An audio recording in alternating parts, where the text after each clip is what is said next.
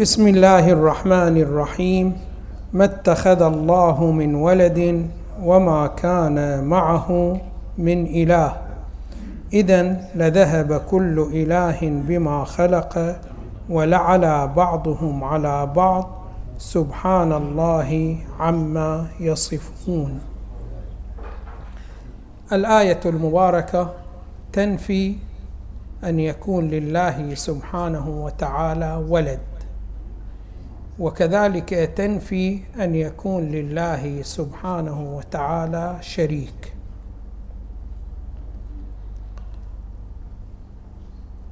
نحن نعلم بأن كل فعل يطلبه الله سبحانه وتعالى من الإنسان فإنما لأجل فائدة ترجع إلى الإنسان. فالله سبحانه وتعالى عندما يطلب من الإنسان أن يحقق عنصر التوحيد. فلا بد هناك فائدة جدا كبيرة إلى الإنسان تفوت لو فاته التوحيد. واساسا الإنسان لا يلام على ذلك. فإنه من السؤال المشروع لأي فرد من أفراد نوع الإنسان أنه إذا طلبت منه عمل من الأعمال له أن يسأل لما. يعني يطلب معرفة الغرض والفائدة المترتبة على هكذا فعل. ولا بد أن ترجع الفائدة له نفسه. فإذا ما ليس هناك فائدة فليس من الضروري أن يلتزم الإنسان بهكذا سلوك. فأنت عندما تطلب منه أن يوحد الله سبحانه وتعالى فعليه فعليك أن تقبل بسؤاله لما أوحد الله سبحانه وتعالى؟ وما هي الفائدة التي أرجوها من التوحيد؟ ويفوتني تفوتني هذه الفائدة لو أشركت بالله سبحانه وتعالى. خب يقولون بأن نظام الآخرة يختلف عن نظام الدنيا. ومن الخسران الكبير الذي يتعرض له الإنسان أن يذهب إلى عالم الآخرة ويريد هناك أن يعيش في عالم الآخرة بما اعتاده في عالم هذا العالم عالم المادة يعبر عنه. هذا يعبر عنه بعالم الأسباب والمسببات. وسبب الشرك هو أنه في هذا العالم الله سبحانه وتعالى جعل أسباب ومسببات. فأنت ما تحصل على شيء إلا بعد أن توسط مئة سبب وسبب. فهذا عالم شنو هذا عالم؟ الأسباب.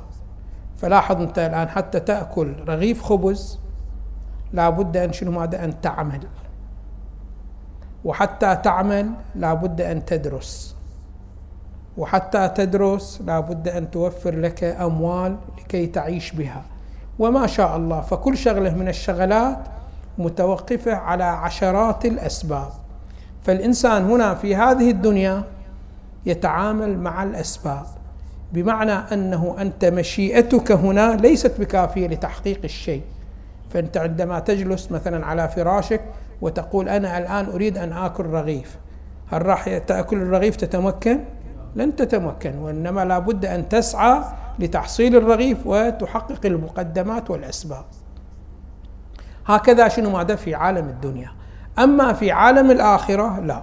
الأمر شنو ماذا متوقف فقط على مشيئتين على مشيئتك ومشيئة الله سبحانه وتعالى فقط. بمجرد أن تشاء تحصل. بمجرد أن الله سبحانه وتعالى يشاء لك ذلك. ما يحتاج لا توسيط لا سبب ولا شيء. فالمشكلة بأنه الإنسان وهو في عالم الدنيا يرتبط بالأسباب جدا كثير فيطمئن إلى الأسباب فيذهب إلى عالم الآخرة وفيه سجية الارتباط بالأسباب. وهناك ما في أسباب فشنو ماذا يصاب بالفشل وبالإحباط؟ يريد هكذا شيء متعود عليه في الدنيا وفي الآخرة ليس موجود هذا الأمر. فالأنبياء صلوات الله وسلامه عليهم اطلعوا على نظام الآخرة وأطلعهم الله على ذلك ثم جاءونا وبينونا ما هي الأمور التي تنفعنا في عالم الآخرة. فهنا من هذه الأمور أن بعض الأشخاص يرتبط بشخصية من الشخصيات. حتى يعطي هذه الشخصية مواصفات الله سبحانه وتعالى ما أعطى هذه المواصفات إلى هذا الشخص. ويتعلقون به ويحترمون إرادته. مثلا بعض الأشخاص يتخذون لله ولد. الآن الولد على نحوين. مرة يكون ولد على نحو الحقيقة وأخرى ولد على نحو التشريف وهناك ولد على نحو ثالث. هؤلاء الذين قالوا بأن الله سبحانه وتعالى له ولد على نحو الحقيقة. يعني شنو ماذا؟ كيف أنت الآن يكون لك ولد من صلبك؟ قالوا الله سبحانه وتعالى له ولد من صلبه. يعني شنو ماذا من صلبه؟ يعني كان فيه جزء من الأجزاء انفصل منه هذا الجزء ثم نما فصار شنو ماذا ولد. مثل أنت عندما ينفصل منك هذا الحيوان المنوي ثم شنو ماذا ينمو شيء فشيء ويكون شنو ماذا ولد. قالوا الله سبحانه وتعالى أيضا بهذه الصورة. فهذا شنو ماذا ولد حقيقي. يعبر عنه في دروس العقائد بالولد الحقيقي. الله سبحانه وتعالى يقول أنا منزه عن أن يكون لي ولد حقيقة. لماذا؟ لأن الولد الحقيقي متوقف على تجزؤ جزء منه. والتجزؤ يحتاج إلى شنو؟ ماذا؟ إلى أمر جسماني. والله سبحانه وتعالى منزه عن الجسمانيات وعن الأمور المادية.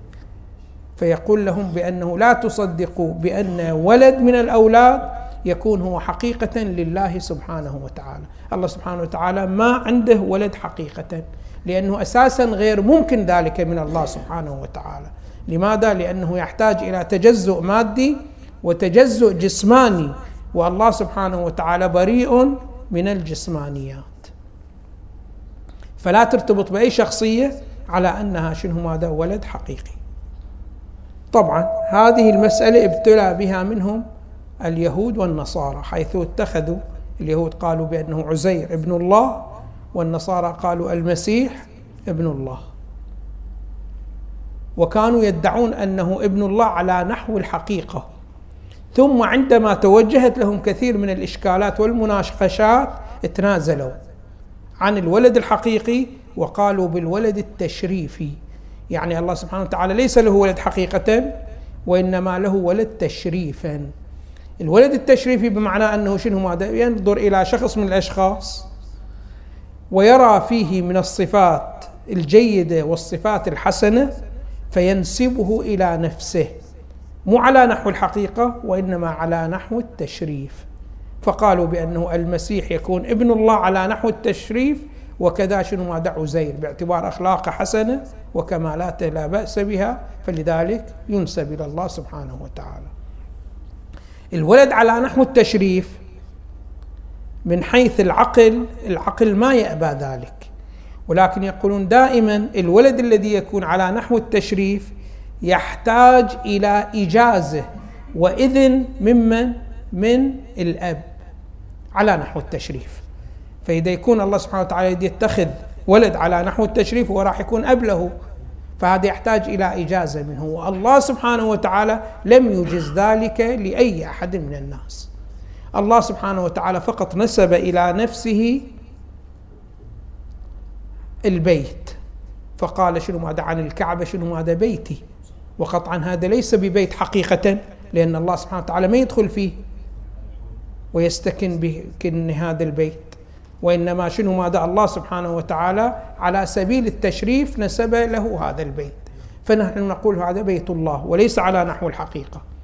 الله سبحانه وتعالى أيضا نسب إلى نفسه العباد وقل لعبادي. فهنا أيضا شنو ماذا نسب إلى نفسه العباد. فهنا ما عندنا مشكلة. فهناك عباد الله وهناك بيت الله. أما ما في عندنا ابن الله على نحو التشريف. هذه أيضا شنو ماذا مسألة من المسائل. عندنا أيضا بنوة على نحو ثالث. الله سبحانه وتعالى عندما خلق الخلق يقولون ظهر وتجلى في صور المخلوقات. الله سبحانه وتعالى ما أحد يستطيع أن يدركه بما هو الله سبحانه وتعالى وإنما تدركه من خلال فعل من أفعاله. من خلال صفة من صفاته. تدرك الله سبحانه وتعالى. ولا وكان كل الكل هو متصف بأنه مخلوق لله سبحانه وتعالى ولكن كل مخلوق هو تجلي لله سبحانه وتعالى. الله سبحانه وتعالى لم يظهر إلى أحد وإنما كلها حجب. فالملائكة حجب لله سبحانه وتعالى تحجب الله سبحانه وتعالى. وكذلك عالم المادة وهكذا عالم النفوس. فكل المخلوقات هي ماذا؟ هي تجليات لله سبحانه وتعالى والتجليات في نفس الوقت هي وجودات وهي حجب لله سبحانه وتعالى. البعض يأتي ويتعلق بتجلي من التجليات. لماذا يتعلق بهذا التجلي من التجليات؟ لأنه قد يرى بأن هذا التجلي مصدر لكثير من الخيرات. فيعطي كرامة زائدة إلى هذا التجلي. مثل الآن شنو ماذا؟ الهندوس. الهندوس يحترمون من؟ البقرة. لماذا يحترمون البقرة؟ يقولون باعتبار أن البقرة هي مصدر للخير الكثير. مصدر للخير الكثير. خصوصا هذا الذي شنو ماذا؟ يعيش فقط على طعام الحليب ومشتقات الحليب. فإن عنده بعد البقرة هي تساوي حياته. إذا وجدت البقرة فإنه يحيا. وإذا فقدت البقرة يموت فهذا شنو ماذا راح يرتبط بالبقرة على أنها كأنها هي التجلي الوحيد لله سبحانه وتعالى. ويكرم البقرة بحيث شنو ماذا يعبدها. لماذا؟ لأجل هذا الأمر. خب نحن نقول لهم هذا بلا إشكال شنو هذا البقرة مخلوق من مخلوقات الله سبحانه وتعالى. وبلا إشكال الإنسان يستفيد منها كما هي أيضا تستفيد من الإنسان. فإن البقرة لو لم تحصل على إنسان يزرع لها الأرض راح تعيش. إذا ما حصلت على إنسان يوفر لها الماء ما تقدر تعيش. فلو كان كل سبب من الأسباب لأنه صار باب إلى مدخل شيء من الخيرات عليك عبدته راح تعبد ما شاء الله من الأسباب. فهذا الأمر شنو؟ هذا غير مقبول. لماذا غير مقبول؟ لأنه عندنا أصل بأن هذه الأسباب التي الله سبحانه وتعالى جعلها كل سبب منها ليس له القدرة على التأثير. وإن كان احتجت إليه ما شاء الله في عدة شنو؟ هذا أبعاد.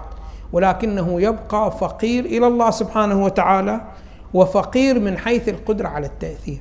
فأنت إذا تريد تتوجه مو تتوجه إلى السبب عليك أن تتوجه مما إلى من؟ إلى رب السبب الذي يمد هذا السبب بهذه القوة. فأنت عندما شنو ماذا تتوجه لهذا السبب؟ تتوجه لماذا؟ غير للاستفادات التي أنت تستفيد منها. خو هذه الاستفادات كلها مرتبطه بمن بالله سبحانه وتعالى. فعلى الجميع أن يتوجهوا إلى مسبب الأسباب وإلى رب الأسباب.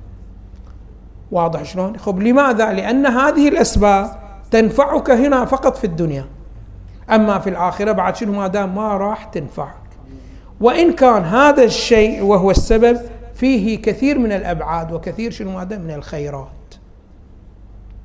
هذا شنو ماذا؟ ما راح ينفعك شنو ماذا في الآخرة إذا توجهت له على نحو الاستقلال لماذا؟ لأنه في الواقع وإن كان عنده كثير من الكمالات إلا أنه فقير إلى الله سبحانه وتعالى. فإذا كان فقير إلى الله سبحانه وتعالى فهو من حيث ذاته صفر لا قيمة له. فأنت عندما تكون في الآخرة الله سبحانه وتعالى شوفوا فرق من فروقات الدنيا عن الآخرة.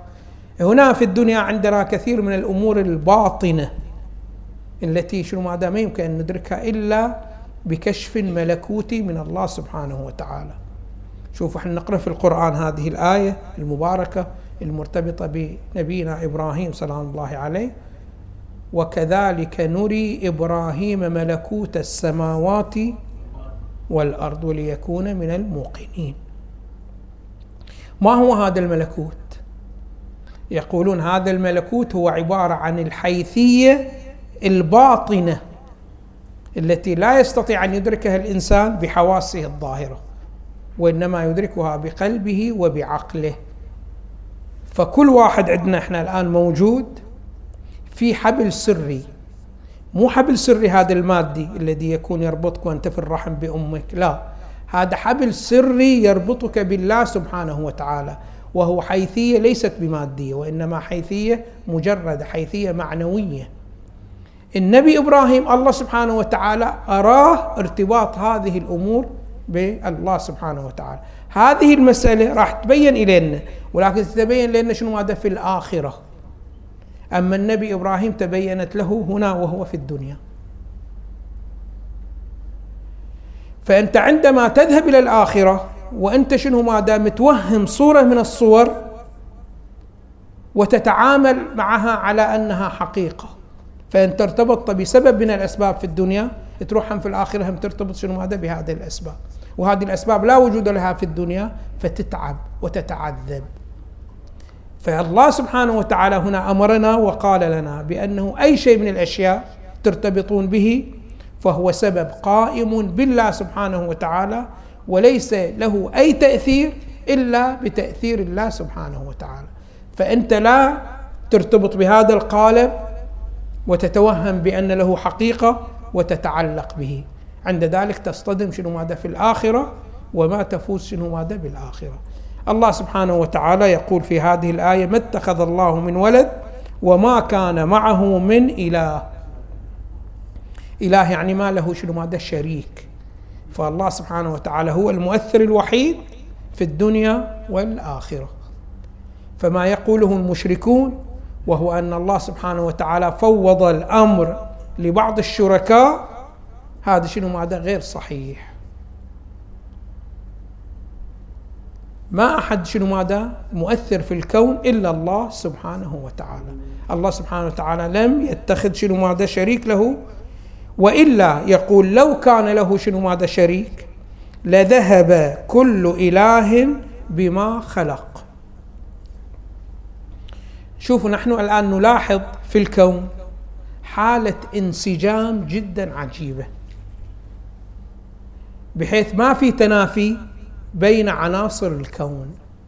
فلاحظوا أنتم الشمس ما ترتفع درجتها بحيث تحرق كل النبات وما تنخفض درجتها بحيث تثلج كل المناطق. لا وإنما هم هذا موجود وهذا موجود. فهناك حالة انسجام جدا عجيب والدليل على هذا الانسجام بأنه كم الآن عمر الكون؟ كانوا يقولون شنو ماذا ألف سنة. بعدين قالوا لا مئة ألف سنة. بعدين قالوا شنو ماذا مليون سنة. الآن بعد سكتوا. فهذه المليون سنة أو ما يزيد الكون مستقر ومستمر على حالة واحدة. فلا الشمس تنخفض درجة حرارتها بحيث تثلج كل المناطق ولا ترتفع درجة حرارتها بحيث تحرق كل المناطق وإنما شنو هذا حالة تناسب جدا جدا. عجيبة لاحظوا أنتم الآن هذه الأرض. الأرض الآن مستقرة في مكانها أم لا؟ وهي معلقة في الجو. فما في مانع أن يمنعها مانع محسوس أن يمنعها بأن تقترب من الشمس. ولا في مانع يمنع أن تبتعد عن الشمس. يعني ما مربطة بحبال. فلماذا شنو ماذا؟ ما تقترب من الشمس مقدار معين فقط إنش واحد تحترق الأرض.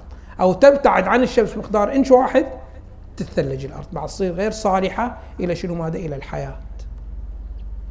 فهذا معناه أنه لو كان الشمس كما يقول المشركون بأن الشمس لها إله والأرض لها إله والمطر له إله خب هذا ما يكون حالة انسجام فإن كل واحد يريد شنو ماذا؟ يعتدي على الآخر ويضعف الآخر فيصير حالة تنافي مع أنه ما موجود هذه حالة التنافي وإنما الأمور مستقرة ملايين السنين. هذا يكشف عن أن الله هو شنو ماذا؟ سبحانه وتعالى واحد. الأمر الثاني بأنه دائما لو كان آلهة موجودين كل إله يريد يعتدي ويوسع مملكته على حساب الإله الآخر. نحن ما نلاحظ هذا الشيء. فلو كان للشمس شنو ماذا إله وللقمر إله وللأرض إله.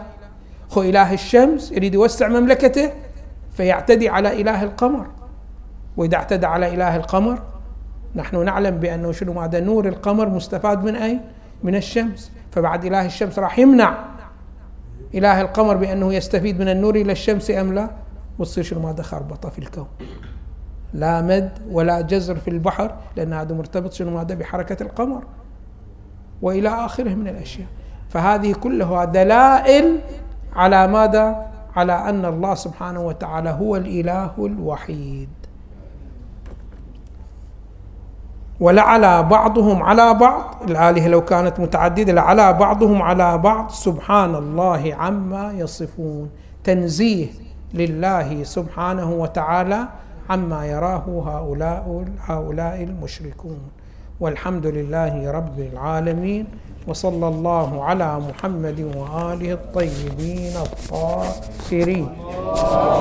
اللهم صل على محمد